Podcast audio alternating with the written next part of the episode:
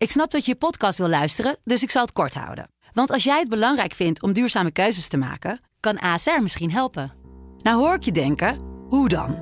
Nou, bijvoorbeeld bij het duurzaam herstellen van schade. Of de premies die we beleggen volgens ons duurzaam beleggingsbeleid. Dat bepaalt waar we wel en juist niet in investeren.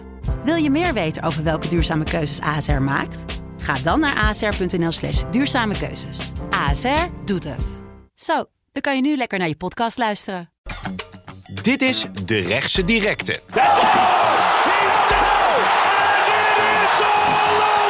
De vechtsportpodcast van De Telegraaf. Met Lars van Soest en Wilson Boldewijn. Welkom, welkom bij de Rechtse Directe. Deze week eh, hebben we even geen gast, omdat we eventjes nog terug willen blikken en vooruitkijken naar de komende evenementen. En er gaat echt een hoop gebeuren. We hebben Glory Rivals in Amsterdam, 5 november. We hebben Glory 82 in Bonn, waar de fightcard eigenlijk net pas helemaal bekend is gemaakt. We hebben de UFC in Abu Dhabi. En we hebben natuurlijk het evenement van Rico. Hit Niet naast mij, maar op afstand zit uh, Lars. Lars is uh, tegenwoordig verhuisd. Mag ik zeggen waarheen, Lars? Ja, mag hoor. Je woont op Texel. Ja. Op een, uh, het, het, het, Ibiza van het noorden.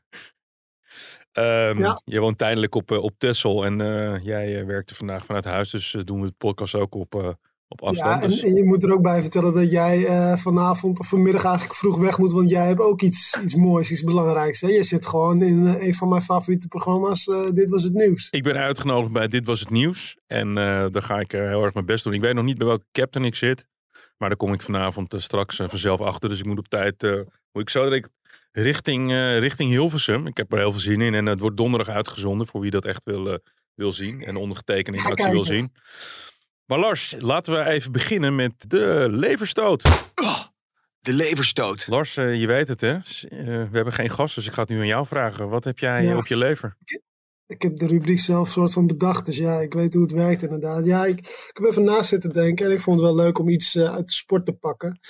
En dan kwam ik uit bij King of the Streets. Ik weet niet of jij er wel eens van gehoord hebt. King of the Streets? Ja, dat, dat is dus een bekend platform op YouTube.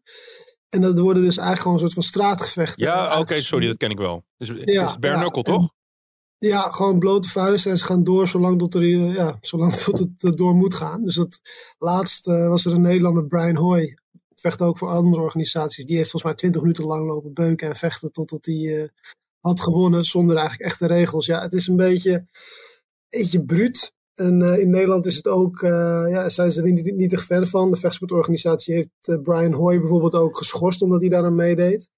Omdat ze het slecht voor het aanzien van de sport vinden. En, ehm, nou, ja, het, het probleem is, is ook je knokkels.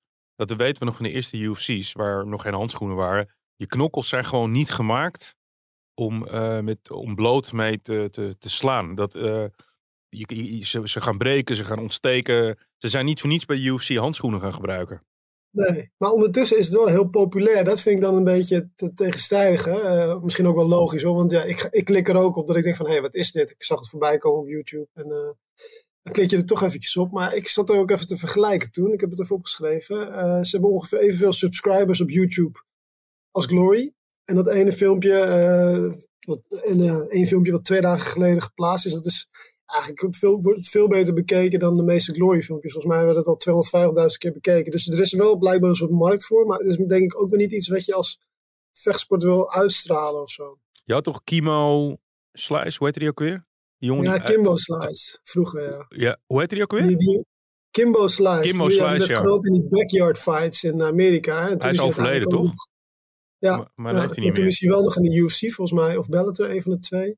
Ja, heeft hij even hij wel gezeten. Ja, die deed dat. Die, werd, die, werd, die, die stond erom bekend. Ja. Heb jij nog een levensstootje, Wilson? Of, uh...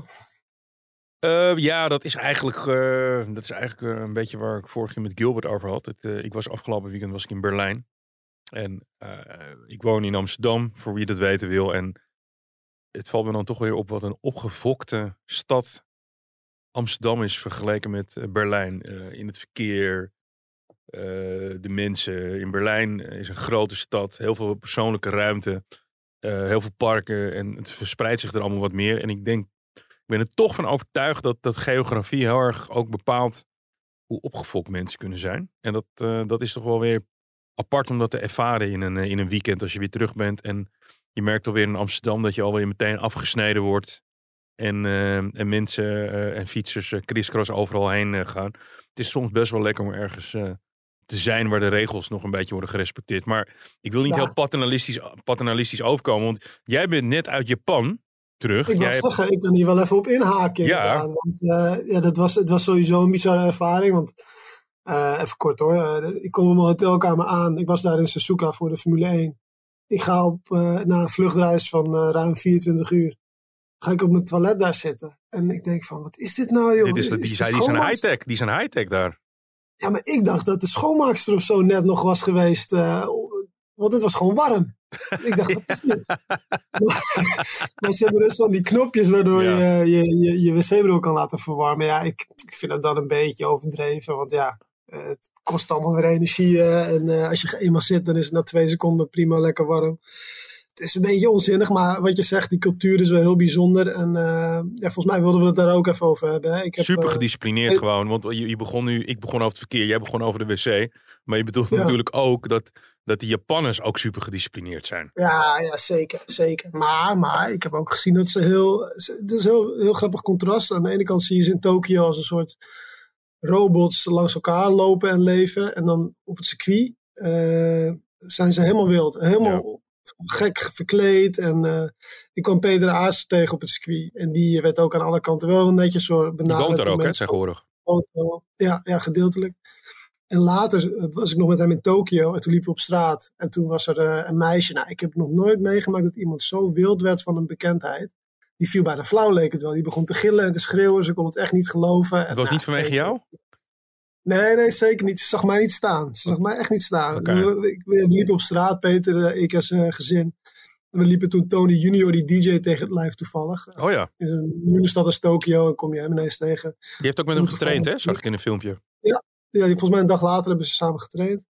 Maar uh, nee, dat was niet voor mij, dat was echt voor Peter. En dat meisje viel bij de flauw. Dus het was wel mooi om te zien uh, dat hij nog steeds zo populair is daar. En ja, zijn kinderen vochten in Kyoto dat weekend. Dat kon ik helaas niet bij zijn, want toen uh, vloog ik alweer naar huis.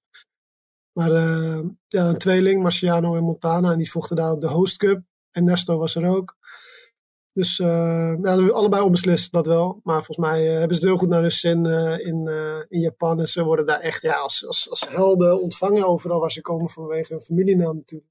Ja, ik snap ook wel dat Peter, ik ben ook eens in Japan geweest, ik Peter ook ontmoet daar toen hij daar zat. Die, Peter, die is in Nederland, is hij wel bekend, maar niet op die manier in Japan. Volgens mij kan Peter gewoon alleen al zoveel geld verdienen door al die meet and greets daar die hij doet. Uh, uh, ook, ja. een projectontwikkelaar die voor hem een huis heeft, die, uh, dat stijgt dan in waarde. Uh, ik, ik snap heel goed dat, die, dat vooral die, die Ernesto Host en Peter Aarts generatie. Je had ook Andy Hoeg vroeger, die, die ook een, een keer de K1 heeft gewonnen. Dat was een Zwitser, een karateka, een hele goede vriend van, van Peter. Die is overleden, maar die woonde ook in Japan op een gegeven moment. Die gasten hebben zoiets van, joh, ik kan daar leven als een soort bekendheid. En uh, ik kan ja, het goed verdienen. Veel. Ja. Het zegt natuurlijk veel. Peter werd gewoon uh, in een helikopter samen met zijn zoon overgevlogen van Tokio naar Suzuka om te gast te zijn bij die race als VIP. En ja, ik denk niet dat iemand in Zandvoort ook maar één seconde eraan heeft gedacht om Peter uit te nodigen uh, nee. naar de race te komen. Weet je. Dat, dus dat zegt alles. En, Rico werd trouwens ja. wel ook vrij prominent onthaald op Zandvoort. Ja, Rico onthaalde Max Verstappen ook vrij prominent. Ja. Uh, die, die, vloog net in de lucht, uh, of die vloog in de lucht uh, toen hij die pole position had gepakt. Ja. Tot zover even de leverstoot. we gaan even terugkijken naar Glory. Een beetje, beetje later dan gebruikelijk. Ik was vorige week in Arnhem. Lars was in Japan. Ik ben de dag daarna ben ik ziek geworden. Ik had eigenlijk Alistair willen uitnodigen voor in de podcaststudio, maar dat kon ik vanwege mijn ziekte, ik was uh, niet uh, goed genoeg om hem te ontvangen. Uh, is inmiddels ook weer in, in het buitenland. Um, ja, hoe kijk je ernaar terug? Um, je hebt gekeken op afstand, Lars. We hebben natuurlijk Alice tegen, tegen, tegen Barre gehad. Ja. We hebben die rare afloop gehad hè, met wel of niet stoppen. Die groepsknuffel. Ik, ik sprak Nick Hammers. Ja, dat heb ik ook op Twitter gezet. Als, als nee, dat zei Gilbert, zei dat volgens mij ook. Gilbert Eiffel, um, die hier in de podcast was. Als Alistair blijft staan, gaat hij winnen. Ja. En precies dat is uitgekomen. Ja, ja het was, ik heb het heel gek beleefd, want ik heb de prelims, het was natuurlijk door het tijdsverschil, ik moest eigenlijk slapen, want ik moest op tijd naar het circuit op de zondag. Achteraf had je nog heel veel tijd, want het duurde uren voordat ze gingen racen. Ja, klopt uiteindelijk wel. Maar ik, ik heb die prelims zitten kijken, want ja, die waren volgens mij ook gratis op YouTube te zien. En dan lig je toch uiteindelijk te proberen te slapen. Alleen je weet dat er gevochten wordt. En je weet van oké, nu gaat die partij, nu komt die partij. En dan blijf je er toch een beetje mee bezig. En ja, die jetlag werkte ook niet echt mee. Dus ik heb, eh, mijn VPN werkte niet, dat was jammer. Dus ik heb het niet kunnen kijken. Maar uiteindelijk toen, uh, toen Alistair tegen Badden begon, heb ik uh, via een, een kennis van me Wim, die heeft uh, met zijn telefoon uh, zijn eigen televisiescherm gefilmd. Toen heb ik kunnen kijken. Dus de hoofdpartij heb ik helemaal kunnen zien daardoor. En ja, dat was, ik, ik vond Badder eigenlijk een beetje hetzelfde verhaal. Badder zag er prima uit, deed goed. Uh, was de betere. Eerste twee rondes won hij, hè? Ja. ja maar, je, maar je zag dat Alistair aan het oplijnen was, zeg maar, in, ja, in zijn tactiek. Ja. Einde tweede ronde en in de derde ronde sloeg hij toe. Dus ja, wel ik denk voor Glory wel het gedroomde scenario. Dat, dat Alistair heeft gewonnen, zodat hij tegen Rico kan. Ja, wat vond je ervan dat Badder aan het einde had je natuurlijk die, die, die, die gekke confrontatie tussen Rico en Over. En Rico was ook echt wel geïrriteerd. Tegelijkertijd, joh, dat is ook gewoon showbiz. Dat is alleen maar goed. Uh, dat, dat er allemaal gedoe over is. Dan komt Badder die zegt, hé hey, jongens, jongens, even, even, even uit respect voor mij. Uh, ik zit erover te denken om te stoppen. En dat was... Ja, dat is natuurlijk niet uh, zoals je wil dat het afloopt. Het was een beetje gek dat hij zo ook zo moest onderbreken. En uh, ik, ik kon het ook minder goed verstaan, denk ik, dan, uh, dan de tv-kijker of jullie in, in, de, in, de, in, de, in de hal. Het was een beetje gek dat hij dan echt zo moest onderbreken. En dan moest een tientje vragen. En nou ja, wel, ja, terecht misschien dat hij erover nadenkt. Want ja, het is een keer tijd. Hè, als je Zeven van, jaar al niet meer gewonnen. Zeven jaar. Nee, precies. En je wint niet van toppers en je wint niet van de mindere goden. Dus ja, dan, dan snap ik dat er twijfels zijn. En ja, hij heeft zich nergens voor te schamen. Een mooie carrière gehad. En als hij stopt, dan is dat prima. Afscheidspartij weet ik niet of hij dat dan nog moet doen. Komt er ook weer zo'n druk op te liggen. En als je dan verliest, dan is het helemaal ja, pijnlijk. Hij zit natuurlijk met zijn contract, hè? Dat hij ook contractueel waarschijnlijk nog één of twee partijen heeft staan. Ik weet niet precies hoeveel. Want dat is wel weer jammer van Badder. Kijk, ik ken Badder echt al heel lang, vanaf dat hij 17 is, um, met Tom Haring. En uh, op een gegeven moment is dat bad boy gedoe met niet naar de persconferenties of mensen niet meer te woord achteraf. Dat hebben we op een gegeven moment wel een beetje gehad, weet je wel. Ik heb dan toch zoiets van Badder. Je, hebt toch, je bent toch met een boodschap gekomen. Kom dan gewoon even naar die persruimte. Alistair is daar, Rico is daar, de andere vechters zijn er allemaal. Nee, Barre ging weer eigenlijk aan het einde naar zijn fans, naar buiten. Je hoorde ze buiten gillen. En wij kunnen geen normale vragen aan hem stellen. En ja, weet je, er zullen altijd zat mensen zijn die zeggen... ja, maar dat hoort nou eenmaal bij Badr Hari. Maar ik, ik vind dat stadium helaas een beetje gepasseerd, weet je. Kom op, je geeft een persconferentie vooraf. Ga nou gewoon achteraf zitten. Je weet dat je klote vragen krijgt over dat je al zo lang niet hebt eh, gewonnen. Maar je zit wel over te denken om te stoppen, weet je. Laten we het daar dan even over hebben. Ik denk dat Badder uh, een hele mooie kwetsbare kant toonde. Uh, en hij leek ook een beetje opgelucht toen hij dat bekend maakte. Dus ik denk dat als hij uh, daar was gaan zitten, dat, hij ook een, dat het ook een hele mooie persconferentie had kunnen worden. Ja, ja natuurlijk, hij is een veel, ja, het gaat altijd veel over hem, ook over zijn rauwe randje. Of rauwe, rauwe kantje. Ja. Dat moeten we ook niet vergeten. Maar als sporter heeft hij natuurlijk een mooie carrière gehad. En ik denk dat in die persconferentie uh, daar ook veel vragen over zouden worden gesteld. Dat het, dat het toch een soort ja, terugblik op zijn carrière, op zijn hoogtepunten. Dus dat het, ja, dat het misschien wel een gemiste kans is geweest dat hij daar niet is gaan zitten. Ik vind het heel jammer. Um, het, was, het was verder, doordat het een amfitheater was, ik gebruik even dat Romeinse woord, uh, de helft van de Gelderdoom werd het best wel intiem. Want ik ben persoonlijk niet zo'n fan van het Gelderdoom, want wij als pers, jij, jij als schrijvende pers kan soms wat dichter bij de jurytafel zitten, maar als videopers uh, zit je vaak op die tribune en zie je het gevecht eigenlijk van grote afstand. Ja. Nu, nu zaten we op de vloer, gelukkig. Waardoor we het allemaal van dichtbij mee konden maken. En eigenlijk is zo'n half Gelderdoom eigenlijk wel heel erg intiem. Iedereen zit wat dichter op, uh, op de ring. Want die schuift het verder naar, naar de zijkant toe. Uh, dus aan één kant zit zeg maar niemand. Uh, uh, zoals vroeger ook bij It's Showtime in, in de arena. Dat werkte echt heel goed. Ik, ik vraag me wel af of het er niet een te dure venue daarvoor is. Maar goed, dat, ik, ik zit niet in de, in de begroting ja, van, ik, van Glory. Ik heb er ook eventjes over na zitten denken. Want ja, kijk, je huurt de Gelderdoom natuurlijk niet voor niks. Dan ga je ervan uit dat je 20.000 tot 30.000 mensen binnenkrijgt. Wat in het verleden ook is gelukt. En dan nu zit je met de helft uh, van, de, van, de, van de zaal. En volgens mij zelfs met, met ja, laten we zeggen 8 tot 12.000 mensen. Glory zegt altijd, uh, dan, het is uitverkocht. Maar uh, er worden volgens mij, of er werden in ieder geval in het verleden ook vaak gewoon kaarten weggegeven hè, aan partners of ja. bepaalde partijen. En dan ja, zit de zaal ook voller dan het is. Dus ja, je betaalt volgens mij misschien wel een ton om de Gelderdoom te huren. Nou ja, goed, dan ga je ervan uit dat je dat terugverdient. Maar als je, als je ja, zoveel minder mensen, betalende mensen binnen hebt, dan, dan kost dat denk ik veel geld. En wat ik begreep is, is, is, is er achter de schermen nog wel getwijfeld van moeten we misschien niet uh, naar, een andere, uh, naar een andere venue overstappen. Want ja, we krijgen het uh, niet vol. Dat is wat ik gehoord heb. Nee, de contracten zijn op een gegeven moment getekend natuurlijk. Precies, precies. En ik denk dat ze er op deze manier, wat jij zegt, wel een mooie invulling aan, invulling aan hebben gegeven. Omdat het ja, intiemer is geweest. En, maar goed, als je naar de cijfers kijkt, denk ik dat Glory er wel meer uit had willen halen. En ja, ik zag een tweet voorbij komen van Scott Rupman. Hij zei, we hebben 1,6 miljoen euro uitgegeven aan vechters. Nou, vind ik een behoorlijk bedrag. Uh, ik heb even uitgerekend, uh, 9 partijen, 18 vechters. Nou, dat is gemiddeld 88.000 euro. Nou ja, Michael Boapea zal het niet verdiend hebben. Nee. Uh, partij voor Glory. Maar, maar Badder en Alistair, ja, die zullen Mm. allebei wel een veelvoud van dat bedrag die zullen in ieder geval een paar ton de man hebben gekregen, toch? Ja, Alistair die verdiende bij de UFC op een gegeven moment eh, bijna een miljoen per, uh, per partij volgens mij. Nou ja, laten we zeggen dat hij nu, uh, pff, het is het een derde daarvan misschien pakt.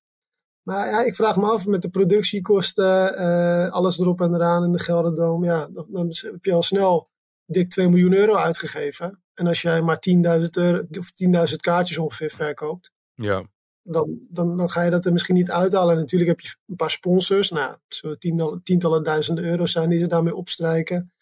Zul je het gat ook niet meer dichten. En dan heb je nog wel Videoland. Uh, maar wat ik begreep is dat, dat Videoland een, een jaarbedrag betaalt aan uh, Glory. Dus ja, dan is zo'n groot evenement ook niet, levert ook niet meer op al. Al zullen ze misschien wel een bonus hebben ingebouwd. Hoor. Tenminste, dat hoop ik. Want ik las wel dat Videoland hele goede zaken had gedaan. Rond Collision. Hè? Er waren volgens mij meer abonnementen dan ooit op één dag afgesloten of zo. Dus dat is wel een goed teken. Alleen ik hoop wel dat Glory er dan wat aan overhoudt. Want nou, we weten natuurlijk niet al die. We weten natuurlijk niet alle, alle buitenlandse streamers, hè, wat die nog hebben aan, aan abonnementskosten. Of aan Glory hebben betaald voor, voor, voor, uh, voor te streamen. Ja, ja, en Overeem en Badden zijn natuurlijk wel internationale namen. Dus wat dat betreft kunnen ze daar misschien nog veel geld hebben opgehaald. Dat hoop ik, want anders ja, vrees je toch een beetje dat het een een verliesgevend evenement is geweest. Ook omdat de laatste keer dat we daar waren, hè, volgens mij uh, vorig jaar oktober, uh, Jamal tegen Rico, dat, dat er toen werd gezegd, ja, dit is een van de eerste keren dat we echt winstgevend zijn geweest met een evenement. En toen zaten er wel heel veel meer mensen in de zaal. En werden er na verluid 100.000 pay-per-views verkocht. Nou ja, dat levert dan een uh, keer 20 euro aardig bedrag op. Ja. Dat hebben ze dit keer waarschijnlijk niet uh, gehaald. Maar goed. Wat ik er nog wel even uit wil pikken is... Um, ik heb natuurlijk in de zaal gezeten en we hadden een... Uh, main card hadden we een vrouwenpartij. Tiffany van Soest. Um, en, geen familie? Eh, nee, geen familie van jou. Alleen het was, het was een, een partij waar het er gewoon totaal niet uitkwam. En haar tegenstander uit, uh, uit Frankrijk, uh, ik ben even, nou, Sarah Moussadek, die, ja. die vocht als een leeuw die had eigenlijk ogenschijnlijk overwicht op haar. En Tiffany was een beetje aan het uh, een beetje show-off aan het doen. Waardoor uh, met een beetje dansbewegingen af en toe tussendoor. En daarna won ze die partij. Dan deed ze ook nog die helm op. Zo van, uh, ik ben een golden girl. En weet je, je mag het voor mij allemaal doen. Maar vooraf was er ook zo'n filmpje over, dat, over hoe haar levensstijl en wat ze allemaal eet en wat ze er allemaal voor moet laten. Allemaal respect, hè, want ik sta niet in de ring. Hè? Ze, ze eten rauw orgaanvlees. Ja, dat, dat, dat soort dingen. En uh, weet je, uh, tot, tot je dienst, weet je wel, zeg ik dan. Alleen, ik, ik heb wel heel erg mijn twijfels gehad. En dan moet je altijd heel erg voorzichtig mee zijn in dit tijdperk van emancipatie. Moet je zo'n vrouwenpartij tot main card durven programmeren? Want toen Tiffany in België vocht, toen het helemaal misging, was het echt een tegen de Japanse. was een fantastische partij. was top. Dan staat zo'n hele uh, hal die staat op, op de banken. En dit, Lars, dit was echt gewoon... Het was echt een aanfluiting. Ja. En Tiffany, die kon gewoon... Het was heel lullig. Kijk, ik hou er niet van. Ik ben een vechtsportliefhebber. En als Tiffany haar praatje houden, moet je gewoon lekker je waffel houden en luisteren. Maar ik begreep eigenlijk dat, dat ze zo uitgefloten werd op een bepaalde manier. Er kon zij niks doen, maar moet je het willen programmeren als, als maincard? En um, ja, moet je jezelf uh, zo opstellen bij zo'n partij. Ja, Eh, ja, dat- dat- ja ik, vind, ik vond het wel te verklaren dat hij als co-main event werd gezet. Zeker omdat we die partij in Hasselt nog vers in het, eh, in het geheugen hebben zitten. Maar ja, goed, ja, het kan een keer gebeuren hè, dat zo'n partij tegenvalt. En nou ja, goed, dan, dan, dan verdienen de vechters alsnog respect, vind ik. Sowieso dat uitfluiten. ja, wat heb je eraan, weet je wel. Dat slaat nergens op. Maar Nee, ehm, er was zo- ja, sowieso veel irritatie over, omdat er gewoon veel mensen van de Marokkaanse gemeenschap in, eh, in, eh, in het Gelderdoom zitten. En dan hebben gewoon hun, hun landgenoten, ja, landgenoten, eh, meestal zijn gewoon geboren tegen in Nederland, die hebben er gewoon echt heel duidelijk een streepje voor. Daar, Ja, daar, daar waren ja. veel irritaties ook over op Twitter. Dat zie je vaker inderdaad. En dat is zonde. Je, je zou zeggen, juich je eigen, je eigen favoriet aan en, eh, en, en wees stil als de ander opkomt. Weet je, dat is dan al, al steun, steun genoeg, denk ik. Ja. Hey, laten we even eh, vooruitkijken naar Glory 82. Want die fightcard is net helemaal bekendgemaakt. Hè? Gisteren gingen al de geruchten. Nou, Plasibat eh, gaat tegen eh Katinas vechten. Eh Semeleer gaat vechten. eh Wilnis en Serkan. Die nog natuurlijk afgelopen... hoe ver zijn inmiddels? ja. Die volgt bij Collision. Jezus, ik ben helemaal de tijd kwijt. We zijn alweer twee weekenden geleden. Eh, die gaat meteen een, eh, een rematch eh, doen. Het is lekker Ja, voor geen Pla- rematch, hè? Hij vecht tegen de Souza. Die, Ja, ja, die jongen die, klopt, ja. Die verloor van Wissen in Düsseldorf. Ja, ik bedoel dat hij een beetje- in. Ik bedoel dat hij wist zo snel mogelijk de ring in, in, in mag. En, want hij, Serkan, die, dat was wel mooi. Die kwam op en die heeft natuurlijk zijn hele Haagse kliek bij zich. En die waren behoorlijk aan het schreeuwen. Maar die Almeida waar hij tegen me moest, die, die was zo'n goede bokser. Ja. Het, is, eh, Hij sloeg hem gewoon twee keer neer. En ja. ook best wel indrukwekkend, hè? het was heel indrukwekkend. En Serkan Ja. die, eh, die, die knokte zich daarna terug. Maar dat was ook omdat die Almeida dacht van de buiten is binnen.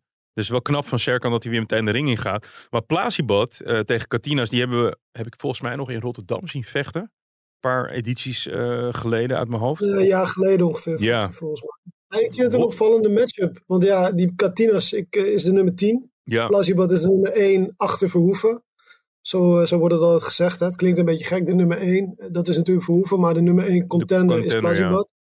Ik heb, ik heb Plasibat net eventjes aan de lijn gehad. En eh, ik zei ook tegen hem van, ja, waarom, waarom heb je eigenlijk deze partij geaccepteerd? Hij zei, ja, ik, ik, denk niet in, in rankings. Als ik de beste wil zijn, dan moet ik iedereen verslaan. En zo kijk ik ernaar. Bovendien zegt hij, eh Katinas eh, staat misschien tiende, maar boven hem staan een flink aantal vechters die ik een stuk minder gevaarlijk vind dan hem. ja. Want hij heeft gewoon knockout power en weet hoe hij je vuist moet, eh, moet planten in een gezicht. Maar alsnog, ja, eh, ik, ik, ja het is niet ver, je kan, het is moeilijk te verkopen zo'n partij. Hè? Van oké, eh Plasibat moet tegen Rico, want hij eh, is de nummer 1, zeggen dan veel mensen. En dan staat hij nu tegen de nummer 10. Ik- ja, je ziet ook veel reacties dat mensen zeggen, wat is dit weer? Dus, dus dat is een beetje zonde. Het kan een knalpartij worden hoor, maar Ze hebben Ja. natuurlijk gewoon een, eh, een zwaargewicht hoofdpartij nodig in Duitsland, in Bonn. En Plasibat was het meest logisch. Ze zullen ook wel met de mensen die ik hebben gesproken, denk ik. Maar Ja, ja, die jongens kijken natuurlijk inmiddels alleen maar naar boven. En ik snap ook wel vanuit Mike's Gym eh, eh, gedacht, je moet Plasibat ook wel op een gegeven moment, die moet wel van naar partij naar partij toewerken, want anders gebeurt er ook helemaal niks, hè? Ja, kijk, weet je wat het natuurlijk is? Kijk, Alistair tegen Rico, dat gaat gebeuren. Dat, dat hebben we gezien in de Gelderdoom. Eh, wat ik begrijp zijn de gesprekken al gaande. Maart wordt genoemd. Nou ja, als die in maart tegenover elkaar staan. De eerste, mogelijk, eh, de eerste mogelijkheid dat, uh, dat Plasibat dan tegen Rico kan. Dat is dan pas waarschijnlijk in het najaar. Want nou ja, als je in maart vecht, dan eh, zeker als heavyweight, dan zitten er altijd wel een paar maanden tussen. Ja. Zeker als je een topper bent als Rico. Misschien nog vlak voor de zomer, misschien. Ja, Ja. lastig, lastig. Ik, zal, ik, ik ga ervan uit, zo heeft Rico het ook vaak gedaan, hè, dat hij dan ehm, in het najaar vecht. Oktober, november, soms december. Dus, dus Plasibat moet wel actief blijven. Ik vroeg hem ook nog van, ja, wat als je nu wint van Katinas? Het is november. Ehm, ja, eerst mogelijk, de eerste keer dat je dan weer in de ring uh, stapt, kan volgend jaar najaar zijn. Dan heb je misschien een jaar lang niet gevochten. Is er dan nog een mogelijkheid om tussendoor, bijvoorbeeld tegen Ben Sadiq, uh, een, een title contender elimination fight, om het zo maar te zeggen, te doen. Ja, dan herhaalde hij een beetje wat hij al vaker heeft gezegd. Die partij kan heel groot zijn en dat kan een collision uh, avond op zich zijn. Dus alleen als het financieel sportief echt interessant is, dan uh, gaan we dat bespreken. Maar ja, ik heb een beetje het idee dat misschien wel de, de way to go is voor Glory. Dat ze nu Katinas Plasibat doen. Uh, Jamal misschien nog een keer tegen, tegen Levi. stelde ik ook tegen Plazibot voor. Die zei alleen van, nou dat zie ik niet gebeuren. Want we hebben allemaal gezien uh, dat Levi niet de prins is. Nee, Levi moet echt nog, die moet echt nog wel een paar stapjes maken. Ja, hij doelde op die partij uh, in Arnhem dat het niet uh, heel indrukwekkend was wat, wat hij liet zien. Maar aan de andere kant, ja, Jamal zou tegen Levi vechten in België. Dus misschien, nou, Plazibot tegen Katinas, Jamal tegen Levi. En dan mochten ze winnen tegen elkaar. En dan de winnaar tegen Rico. Mocht Rico winnen van Alistair volgend jaar. Nou ja, dat, dat lijkt mij een logisch pad. Maar ja, niks is logisch in, eh, in de vechtsport. Zeker niet eh, bij de zwaargewichten. Dus, uh... Nee, maar ze zitten natuurlijk ook met hun Videoland uh, contract. Dus ik, ik, ik, vraag me af of ze helemaal zullen wachten tot het najaar. Maar de tijd zal an alle antwoorden geven. We hebben ook 5 november Amsterdam. Ja. Hebben we weer een Glory Rivals. Die, die volgen elkaar best strak op, hè? Zo achter elkaar. Ja. Gaat heel hard. Ja, best wel best wel lekker eigenlijk dat je elke maand gewoon iets hebt. Zeker na afgelopen jaren waarin het soms wel eens een, een, een half jaar duurde volgens mij dat er werd gevochten. Dus ja, en, uh, op zich een beetje wel een gekke hoofdpartij vind ik bij Glory Rifles. Uh, Ibrahim El Ja, kijk, El Bouni natuurlijk, uh, wij waren erbij hè, toen in Alkmaar, dat hij won van uh, die Badde Verdoes, Verdoes, moet het goed zeggen. Trouwens, volgens mij een protégé van Peter Aars, maar dat terzijde. Maar hij won, El Bouni, en Bali verloor juist. En die ja. staan nu tegenover elkaar. Dus dat voelt een beetje als een gekke matchup. Een winnaar tegen een verliezer, om het even kort op de bocht te zeggen. Een ja. beetje, ja, voelt een beetje als. Die partij was ook al voor, uh, voor Glory Rivals in Alkmaar bekendgemaakt, of, of kort gesloten. Dus ja. het voelt een beetje van, uh, ja, wat, wat, wat, moeten we ermee om het oneerbiedig te zeggen. Dan ja. kijk ik eigenlijk meer uit naar die partij van uh, Jay Overmeer tegen, tegen Siric. Ook omdat over, Overmeer natuurlijk... Uh, die is in ja, winning mood. Winning mood, veelbelovend talent. En op, op, op, ja, op welterweight begint zich wel iets moois af te tekenen, denk ik. Want je hebt natuurlijk Hamisha, uh, Semeler, die dan vecht tegen Nabiev hè, in, in Bonn onder titel. Ja het begint wel weer een leuke divisie te worden, die weltergewichtdivisie. Je had eerst natuurlijk daar uh, uh, Nicky Holske, uh, Groenert en Doembe. Ja. Die vertrokken allemaal. Dat, toen eigenlijk was dat de leukste divisie, bijna. Ja, precies. precies. En toen, ook omdat het natuurlijk zo'n lekkere rivaliteit was tussen Groenert en Doembe. Hè? Ja. En toen zij weggingen, dacht je een beetje van, ja, wat, wat gaat er nu gebeuren met deze divisie? Maar nu is hij weer, weer springlevend. We gaan even sparren. Tijd voor een rondje sparren. Ja, Deontay Wilder, hè, die was weer uh, terug uh, in de ring. En ja, die liet weer even zien waar hij toe in, uh, in, waar hij toe in staat was. Verwoestende KO op Robert Lenius. Ja, ja, hij was heel emotioneel, hè? Ja, ik vond het een beetje hypocriet eigenlijk, om het zo maar te zeggen. Want ik, ik zag het en ik, ik denk van, waar komt dit vandaan? En het ging blijkbaar over Pritchard Cologne. Ik weet niet wat hun band onderling is, maar het ging erom dat hij ooit uh, een paar stoten had gehad en uiteindelijk hersenletsel opliep en volgens mij nog steeds onder begeleiding moet wonen en leven. Daar was hij emotioneel over, maar ja, Wilder is zelf iemand die altijd heeft gezegd van nou, ik zou het niet verkeerd vinden om een, om een body op mijn record te hebben staan, waar hij mee bedoelde van nou, als ik iemand illegaal, of legaal dood kan slaan, dan zou ik het eigenlijk wel mooi vinden. En volgens mij heeft hij dat ook gezegd toen hij tegen Fury de ring in ging, van ik zou het mooi vinden om hem legaal te vermoorden. En dan, ja, is, dat niet gewoon, uh, is dat niet gewoon fight talk? Ja, maar ik vind het wel een beetje te ver gaan. Ja. Als jij zegt ik wil iemand vermoorden, en, Ja. dan, doe ik het graag uh, legaal, dan gaat het wel net even te ver, weet je wel. En dat, ja, ik vind het altijd wel mooi uh, wat Verhoeven altijd zegt. Die zegt dat het blijft een sport en het is mooi als we aan het eind van de avond met z'n allen gezond en wel naar, terug kunnen naar ons huis en ons gezin. En ja, zo moet je er ook wel in staan. En ik denk niet, niet dat je over vermoorden moet, moet praten. Nee. UC 280. Ja. Abu Dhabi. Nou, hoofdpartij is natuurlijk Oliveira tegen Islam Makachev. Spreek nou zijn naam Ja. goed uit? Makachev? Ja, Makachev. Makachev? Ja, die, zo, ja, ik spreek het waarschijnlijk ook niet goed uit hoor. Maar uh, Ja, ja, dat is natuurlijk, dat zijn allebei een beetje uh, ook toch wel gasten die instaand heel goed zijn en op de grond exceptioneel goed zijn. ja. ja, vooral op de grond. Hè. En, uh, ik, ik heb die uh, Oliveira een keer in Sao Paulo zien vechten. Ik was daar toen voor de Formule 1 toen de UFC er ook was. En toen rekende hij af met uh, Jared Gordon. De hele zaal ontplofte natuurlijk, want ja, local favorite die won.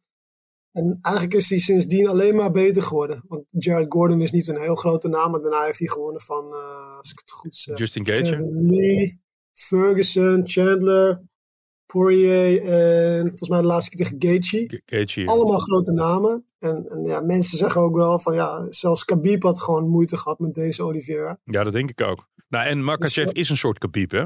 Soort, Ja, soort, ja. soort, soort. Soort van, maar ze, zo, ja, Khabib zegt volgens mij zelf ook, hij is een geëvalueerde versie van mijzelf. Dus het zegt wel veel als hij dat, eh, als er zo naar gekeken wordt natuurlijk. Maar ehm, ja, aan de ene kant ben ik altijd, dan kijk je naar die namen en dan denk je van, oh, dit kan niet anders dan een toppartij worden. Maar soms heb je dan ook dat je, dat het helemaal niks wordt. Dat, Ja, want ja. styles make, make fights. En als ze dan allebei te veel respect hebben voor elkaars grondgame, ground game. Kan je heel voorzichtig Dat worden. dan een zo'n staande partij wordt en dat het een beetje te veel aftasten wordt of zo. Ik denk, niet, denk in dit geval dat het niet gebeurt hoor, maar je ziet het wel eens. En ja, Oliveira heeft volgens mij de twee records op zijn naam. De meeste submissions en de meeste finishes in de UFC. Volgens mij heeft hij, eh, even kijken, ik heb het hier staan. Ja, 19 finishes in, van zijn 21 partijen. In totaal 30 eh, partijen gevochten. Sorry, ik moet het goed zeggen. 30 partijen gevochten, 21 zegens en 19 keer een finish. Dus de kans is eigenlijk wel groot dat het vroegtijdig eindigt. En dan moeten we maar kijken voor wie. Ja, Maar die, die Makachev die is ook wel bijzonder. Want ja, als hij helemaal naar de grond heeft, dan, eh, dan blijf je daar ook liggen. ja. Want hij heeft het record eh, van de minste klappen per, gemiddeld per minuut. Minder dan één eh, klap per minuut heeft hij geïncasseerd bij de UFC. Het is dus eigenlijk een partij is- die eh, alle kanten op kan gaan. Ja, ja. Interessant om te zien. Hey, wat hebben we nog meer? We hebben Bantam, gewichttitel en... Ja, je hebt die partij tussen ehm, eh, TJ Dillashaw en Aljamain Sterling voor de titel. Sterling is titelhouder en Dillashaw die, is de uitdager. Mooie partij. maar ik kijk eigenlijk meer uit naar die partij tussen Petr Jan en Sean O'Malley. Ik weet niet of jij weet wie Sean O'Malley is. Dat is Ik ben, ik ben, ik ben niet zo'n UFC-volger als jij. Ik, ik kijk altijd gewoon Ja. de main bouts, maar ik, het, is, het is altijd een beetje voor mij een, een keuze van... Ga ik, ga ik hier op zondagochtend nog heel veel Alles tijd aan besteden? Dat, ik, hoor het probleem Ja, trouw- ik hoor het trouwens veel bij, eh, bij mensen over, over de UFC. Snap ik hoor. Het is voor mij, ik heb nu eh, natuurlijk kinderen. Hè. Vroeger bleef ik wel eens op of eh, keek ik 's morgens op zondag alles terug. Maar dat is nu ook lastig. Hè. Eh, dus, ik, dus ik probeer het af en toe tussendoor dan terug te kijken. Maar die Sean O'Malley vind ik wel heel interessant. Echt een beetje een, een hype train die om hem heen is ontstaan. De Sugar Show hè, wordt hij ook wel genoemd vanwege, vanwege alle gekkigheid die hij uithaalt. En hij roept een beetje van die Conor McGregor vibes op. En Ja, ja, hij moet dan nu wel, dit is zijn eerste echt hele grote partij. Die moet hij dan natuurlijk wel gaan winnen. Peter Jan is de voormalig kampioen. Ja, Sean O'Malley heeft altijd zo'n zo'n grote pruik met een gek kleurtje. Volgens mij is hij dit keer, eh, heeft hij hem dit keer roze geverfd. Ja daar, daar, daar, daar ken ik hem inderdaad wel van. Met het gevlochten gekleurde haar inderdaad. Ja, ja, opvallende verschijning. Hij is lang en dun.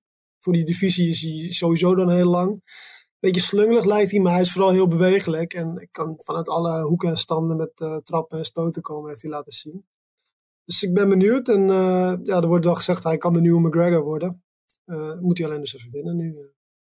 29 oktober hebben we Jake Paul tegen Anderson Silva. Nou, Anderson Silva is iemand die geen introductie nodig heeft. Jake Paul trouwens ook niet meer. Ja, het is een nieuwe generatie mensen die op een andere manier bekend wordt dan de- hoe dat Ja. vroeger ging. eh, via, via social media, via YouTube. Ik- Ja, ik kan er heel veel van zeggen. Het levert views op. eh, mensen willen het zien. Jake Paul levert ook. Ik vind het al eigenlijk wel weer jammer dat, dat een... eh, want hij vecht wel vaker hè, tegen, tegen mensen die in Bellator of, waar, of in de UFC of waar dan ook hebben gevochten. Maar een Anderson Silva, dat vind ik toch wel zo'n grote naam. Dat vind ik toch wel weer... Ja, ik heb het altijd een beetje moeite mee dat hij nou, dat hij nou zo aan zo'n partij gaat meedoen. Uh, ja, die, die Jake Paul is natuurlijk een beetje zo'n praatjesmaker die bekend is geworden via YouTube. Hè? Ja, ja. En hij heeft dan een paar, ja, volgens mij die Nate Robinson, een oud NBA-speler, knock-out geslagen. Een Ja. andere YouTuber ook nog een keer. En toen eh, ging hij tegen Ben Askren eh, boksen. Eigenlijk natuurlijk heel bizar, want Ben Askren was een worstelaar die Ja. UFC ging, MMA ging doen. Uiteindelijk in de UFC belandde. Kreeg toen het knietje van eh Masvidal tegen zijn hoofd binnen twee seconden. En sindsdien was het eigenlijk klaar. Ja, en dan gaat hij boksen. Maar het zag er ook niet uit. En eh, hij werd ook knock-out geslagen. Vervolgens Tyron Woodley ook knock-out geslagen door Jake Paul. Wat me wel verbaasde, want Woodley was toch wel indrukwekkend met zijn vuisten in Ja. de UFC toen hij kampioen was. Hè? Dat laten we dan niet vergeten. Mensen zeggen ja, het is in scène gezet. Ja, vind ik lastig. Ik denk niet dat iemand als Woodley dat, dat zou doen. Maar oké. Eh, ja, je hoort veel geluiden dat mensen willen dat Jake Paul even de mond wordt gesnoerd hè, door Anderson Silva. Ik, ik hoop dat eigenlijk ook wel. Ja, Want het is toch een beetje een soort iemand die denkt van nou laat ik even gaan boksen en eh, dan zet ik iedereen even op zijn plek. Ja, eh, er zitten wel levels in de sport. Hè? Er zijn wel levels in de sport. En Anderson Silva is zo'n grootheid. een MMA Silva, ik zit even op te zoeken, is echt net zo oud als ik ben, man. Ja? Ja, die, is, die komt ook uit 1975. ik, ik, dacht opeens dat ik jou hoorde praten van hoe oud is Anderson eigenlijk inmiddels. Ja. Maar die man heeft zo lang in de ring gestaan. Ja, weet je, het is, eh, hij zal geld nodig hebben. Of hij zal het Ja. geld interessant vinden. Want die, eh, Ja, die, die terwijl ik- views, dit is allemaal, dit is allemaal pay-per-view, hè? Ja, terwijl ik Anderson Silva ook wel iemand vind die, eh, die gewoon wel lekker wil vechten. En nu weer de- is gaan boksen. Omdat hij dat leuk vindt om ook nog even te doen. Ja, Maar eh, ja, voor, voor de eerste keer ook echt volgens mij dat Jake Paul iemand van zijn eigen gewicht en lengte treft. Dus dat kan ook nog wel een verschil maken. Hè? Want hij is natuurlijk vrij groot. En was ja. voor hem makkelijker om kleine tegenstanders eh, neer te mappen. Maar ik, ik ga er toch vanuit dat Anderson Silva zo tactisch slim is. En het spelletje zo goed te beheerst dat hij, dat hij Jake Paul op, op klasse gaat aftroeven. Ja, Wie weet, maar ja, het is, het, het is, wel een, het is ook wel een leeftijdsverschil, hè, wat, wat toch wel sporen nalaat. Dus we gaan het zien. Ja. Dan, Ja, goed, als ik tegen Max Verstappen ga karten, ook al is Max Verstappen straks eh 50 jaar, dan eh, wint hij alsnog van mij hoor. als hij, ja, maar, hoe slecht ja, zijn kartje is. ja, goed, maar dan ben jij straks toch ook ouder. Ik bedoel, dat is altijd, het is natuurlijk altijd heel relatief. Maar het, het, het kan zijn dat je net wat meer longinhoud hebt, net wat makkelijker herstelt na trainingen. Ja, weet je, eh, give it a name. We gaan, Ja. het, we gaan het gewoon zien. Tot slot gaan wij praten over Hit It, het evenement Ja. van, eh, van eh, Rico eh, Verhoeven. Is het, het is niet komend weekend, het is weekend erop, toch? Ja, ook de 29ste. Ook de Ja. 29e, ja. Ja. Ehm, ja, we, we, we hebben hier al heel veel over gesproken. Vooral Alistair heeft het nodige over gezegd, hè? Ja, Dancing ja, on Ice.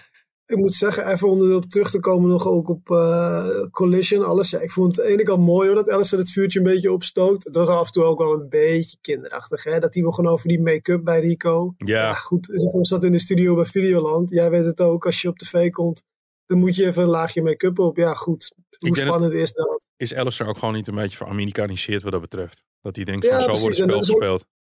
Precies, en dat is ook goed, want eh, voor de sport, hè, op die manier komt er wel aandacht. Als er de hele tijd geknuffeld wordt en gezegd, ik heb respect voor jou, je bent zo goed. Dan denkt heel Nederland ook van, nou, het zal wel. Leuk dat ze vechten, maar eh, ja, toen met Badr Hari tegen Rico Verhoeven was het echt, heel Nederland was op de been, want het was de, de, de bad boy tegen de good guy. Ja, En dat, ja, dat hopen ze nu ook denk ik weer te creëren. Dat snap ik wel, maar eigenlijk, Ja, heeft, maar eigenlijk heeft Alistair in die zin ook niet een...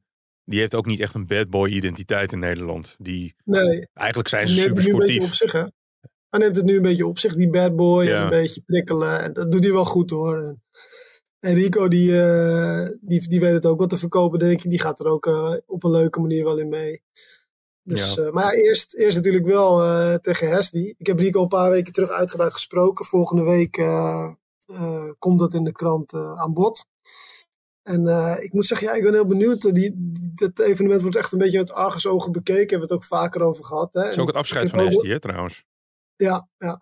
Ik, maar ik heb ook wel zoiets van, eh, ja, ik zit, er- ik zit niet op alles te wachten. Ik, ik, als ik daar ben, zie ik een optreden van Elise, komt volgens mij langs, of M- en Emma Heesters. Ja, dat zie ik een beetje als een hinderlijke onderbreking van waar ik voor kom. Ja, Aan de andere kant denk ik wel dat het, ja, Rico is echt een kickboxer die een BN'er is geworden. En op die manier kan hij wel natuurlijk mensen naar zich toe trekken die, die, die het interessant vinden en er vervolgens blijven hangen. Nou goed, Ja. daar hebben we het al vaker over gehad. Maar ik ben ook heel benieuwd eh, naar Hesdy. Want je zei het al, het is een afscheidspartij. Hij heeft eigenlijk niks te verliezen. Hij, hij heeft ook gezegd van, eh, ik ben ooit begonnen tegen, tegen een topper. Te- Sam Schild was dat toen. En ik stop nu tegen een topper. Wat dat betreft heb ik niks meer te verliezen. En ben ik sowieso al een winnaar. Want ja, ik sta al zo lang aan de top.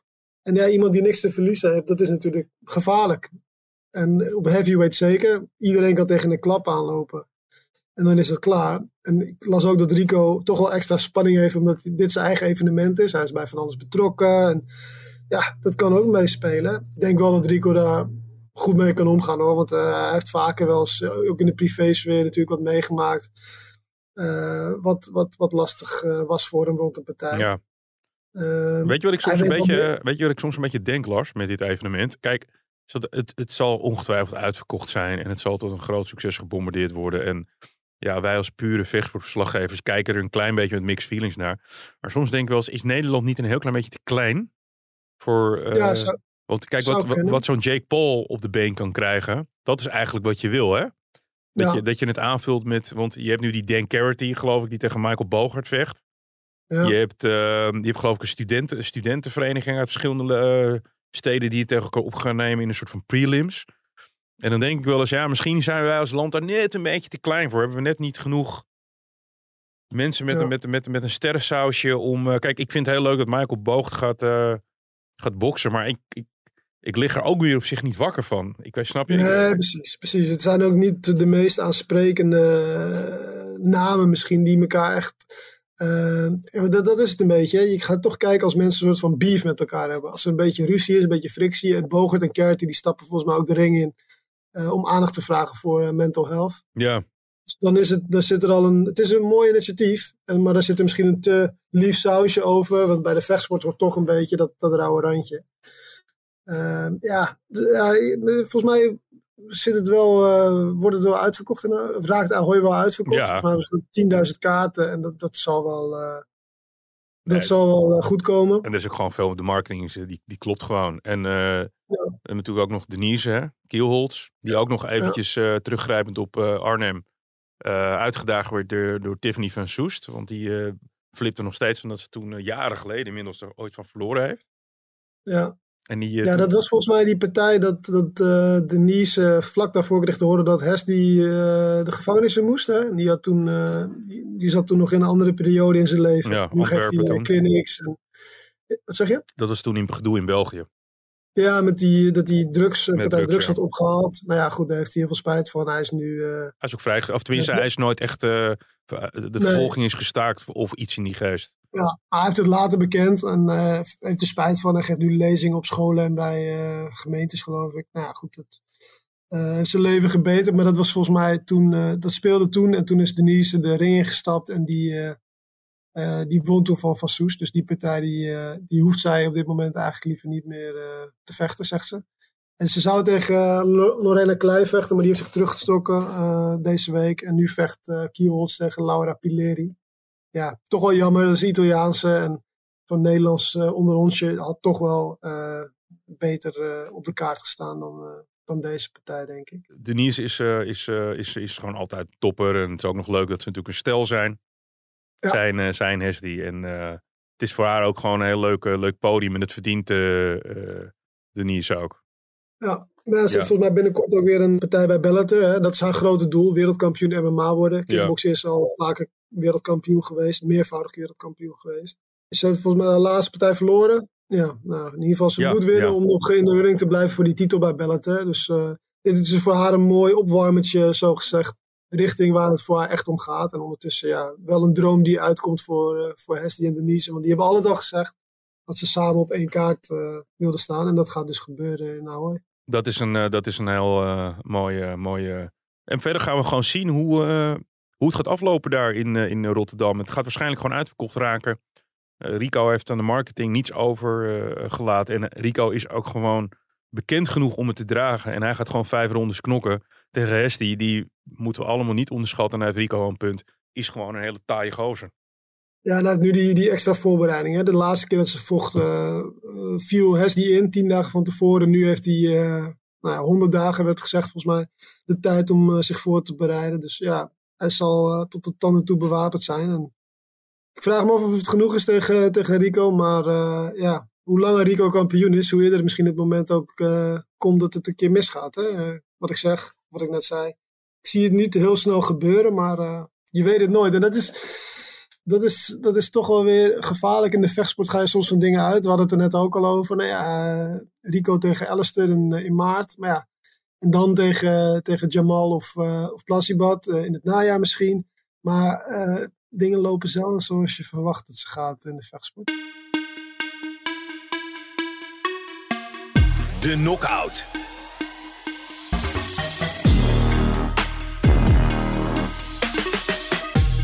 Ja, Lars. Normaal eh, stellen we deze vraag aan onze, aan onze gast. Maar ja, we zijn een beetje elkaars gasten nu. Jij een beetje meer eh, dan ik. Omdat ik natuurlijk formeel ben ik natuurlijk ook de presentator. Ja, moeten we het over de UFC hebben? Moeten we het over Rico of Hesdy hebben? Is er een andere prikkelende vraag? Moeten we zeggen van Badder moet niet meer de ring ingaan? Maar dat is niet een beetje zoals we hem... Het moet een veel groter dilemma zijn. Ba- Badder moet, Badder moet afscheid nemen op deze manier. Ja, groot dilemma doen wat we bij grote gasten. Hè? Ja. We zijn wat over de kleine jongens. Dus eh, la- laten we. Moeten Max Verstappen en Lewis Hamilton eh, de ring ingaan? ik denk dat wel heel Op veel mensen daar Op het volgende elkaar zijn. evenement, Hit It? Hit It 2? Ja, Dan, dan, dan, een heb je ja. kijkcijfers, denk ik. Ja, ja, ja. ja, ik sprak net Plazibad en die zei ook, die, die liet natuurlijk weer Rico even uit te dagen. En die zei van, nou, misschien moet ik ook maar een kaartje kopen voor een Formule 1 race of een team opbellen om me uit te nodigen. Kom ik Rico daar tegen? Op zich, ik zag, ik zag het wel voor me hoor. Een eh, kickboxpartij op, het, eh, op, op start-finish. Uurtje voor de, voor de race. Ja, Er zitten honderdduizend mensen op zo'n... eh, ja ik, durf, ik, ik durf te verder dat je het bij de Formule 1 niet voor elkaar krijgt. Dat, Nee, is, bijna, nee, dat, is nee. bijna, dat is nog net geen... Organ, nou, ik, ik, wil, ik wilde het M-woord uit Italië gebruiken, maar bij de Formule 1 heb je helemaal niets te vertellen volgens mij. Als externe partij. Ja, het M-woord uit, uit Italië. Dat, ik, de Formule 1 bijna, wat dat betreft bijna een soort maffia-organisatie is. Dat die, Oh, die nemen echt alles over. Die bepalen alles, toch? ja, dat klopt. Maar wel, ja, ze zijn wel wat losser geworden hoor, sinds Bernie Ecclestone weg is. Maar goed, een hele andere discussie. Ja, ik ben wel benieuwd. Wat, wat denk jij? Hestie tegen Rico, wat voorspel je? Eh, Rico wint dat. Eh, maar Rico gaat niet helemaal voor een knockout. Die vechten het gewoon keurig uit in vijf rondes. Uh, Hesty is wel super gemotiveerd. En eh, de bal is rond bij de heavyweights. Alleen Rico heeft gewoon een keiharde kin. Die sla je toch niet zo 1, 2, 3 knockout. Want dat lukt Jamal Ben Sadiq ook niet. Ik denk dat Oliveira wint. Van Makachev. Ja. Hoe? Hoe? Hoe die Hoe? wint? Hoe? Ja.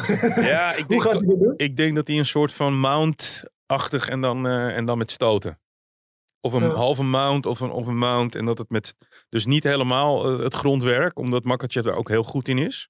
Maar Ja. dat uiteindelijk toch de knokkels het half- voor de helft gaan, gaan bepalen. Dat denk ik. Wat denk jij? Ja, ik, ik, ik zie het gewoon niet voor me dat een van die twee het einde niet haalt. Het zijn zulke taaie gasten en ze weten... Jij denkt jury? Jury? Split ja, decision? ik denk... Ja, ja, ik denk dat Olivier op decision wint. Ja. En eh, ja, ik ga ook voor Rico tegen Hesdy. Wat me ook opviel vorige keer eh, was dat Rico toch ook een eh, klapje groter was dan Hesdy. Een stukje Ja. gewoon groter, breder. Het zegt niet zoveel, maar Nee, maar Hesty is heel lang. impact Maar, maar Hesty vocht inderdaad de hele tijd naar achter. Als je Rico al neer moet krijgen, moet je toch een beetje energie naar voren hebben. En die ga je vanuit achteruit echt al helemaal niet kou slaan. Nee, nee, je moet het een beetje een dirty fight maken, inderdaad. En dat lukte hem toen niet. En ik denk dat Rico met die, ja, die kolossale benen van Rico, als die een paar keer op die, op die benen van Hesdy landt, dan, dan is het al lastig om naar voren te komen voor Hesdy nog, denk ik. Dus ja, ik ga ook voor Rico. En ik denk ook wel eh, punten of eh, in de vierde of vijfde ronde ehm, op eh, technische knockout. Ja, maar Hesty is echt niet makkelijk op KO of technisch knockout eh, te krijgen. Nee, maar als Rico natuurlijk, als Rico, eh, wat je vaak ziet is dat Rico zijn tegenstanders eh, demonteert, hè, zoals hij dat zelf noemt. Ja, Dat hij ze toch echt alle energie eruit, alle energie eruit slaat, wat we bij Jamal ook vaak hebben gezien. ja maar Rico. Rico kan ook gewoon als bijna, als bijna als niemand zo goed vijf rondes vechten. Ja, dus, echt- dus ik denk dat op een gegeven moment als die energie op is, dat, dat Hesty dan ja, misschien, misschien eh, ja, zijn energie kwijtraakt en dat Rico dan ah, ja, neigt naar af te maken en dat de scheidsrechter dan ingrijpt. En Badder nog een afscheidpartij of moet hij stoppen? Nee, ik denk dat hij gewoon moet stoppen. Hij heeft dat niet meer nodig, joh. Hij heeft zo, eh, hij heeft zo'n grote naam, zoveel mooie highlights eh, verzorgd. Laat hem lekker genieten van zijn pensioen. En anders komt die druk weer bij hem te liggen, afscheidspartij. Nu moet je echt winnen, want anders is het een Ja. afscheid in mineur. En dat hebben we al zo vaak gehad. Dat, dat, Ja, dat, hij dat is ook niet proces. typ voor een afscheidspartij. Kijk, Rico Verhoeven zie ik nog wel een afscheidspartij doen. Die dan op die avond echt in het middelpunt van de belangstelling staat. Eh, Max Verstappen komt langs, ik noem maar wat. Hè. Maar dat zie ik bij Barra niet zo gebeuren. Die, eh, ja, wat je zegt, die, die komt dan niet bij de persconferentie eh, opdagen. Nee, misschien wel zijn afscheidspartij eventueel wel. Ja, ja. We gaan het zien. Lars, we gaan afronden, vriend. Eh, volgende keer zit je weer hier en eh, we gaan. eh, we hebben een hele mooie gast voor de volgende keer. Laten we binnenkort via jouw Twitter-pagina laten wij dat weten. Bedankt allemaal en tot de volgende keer.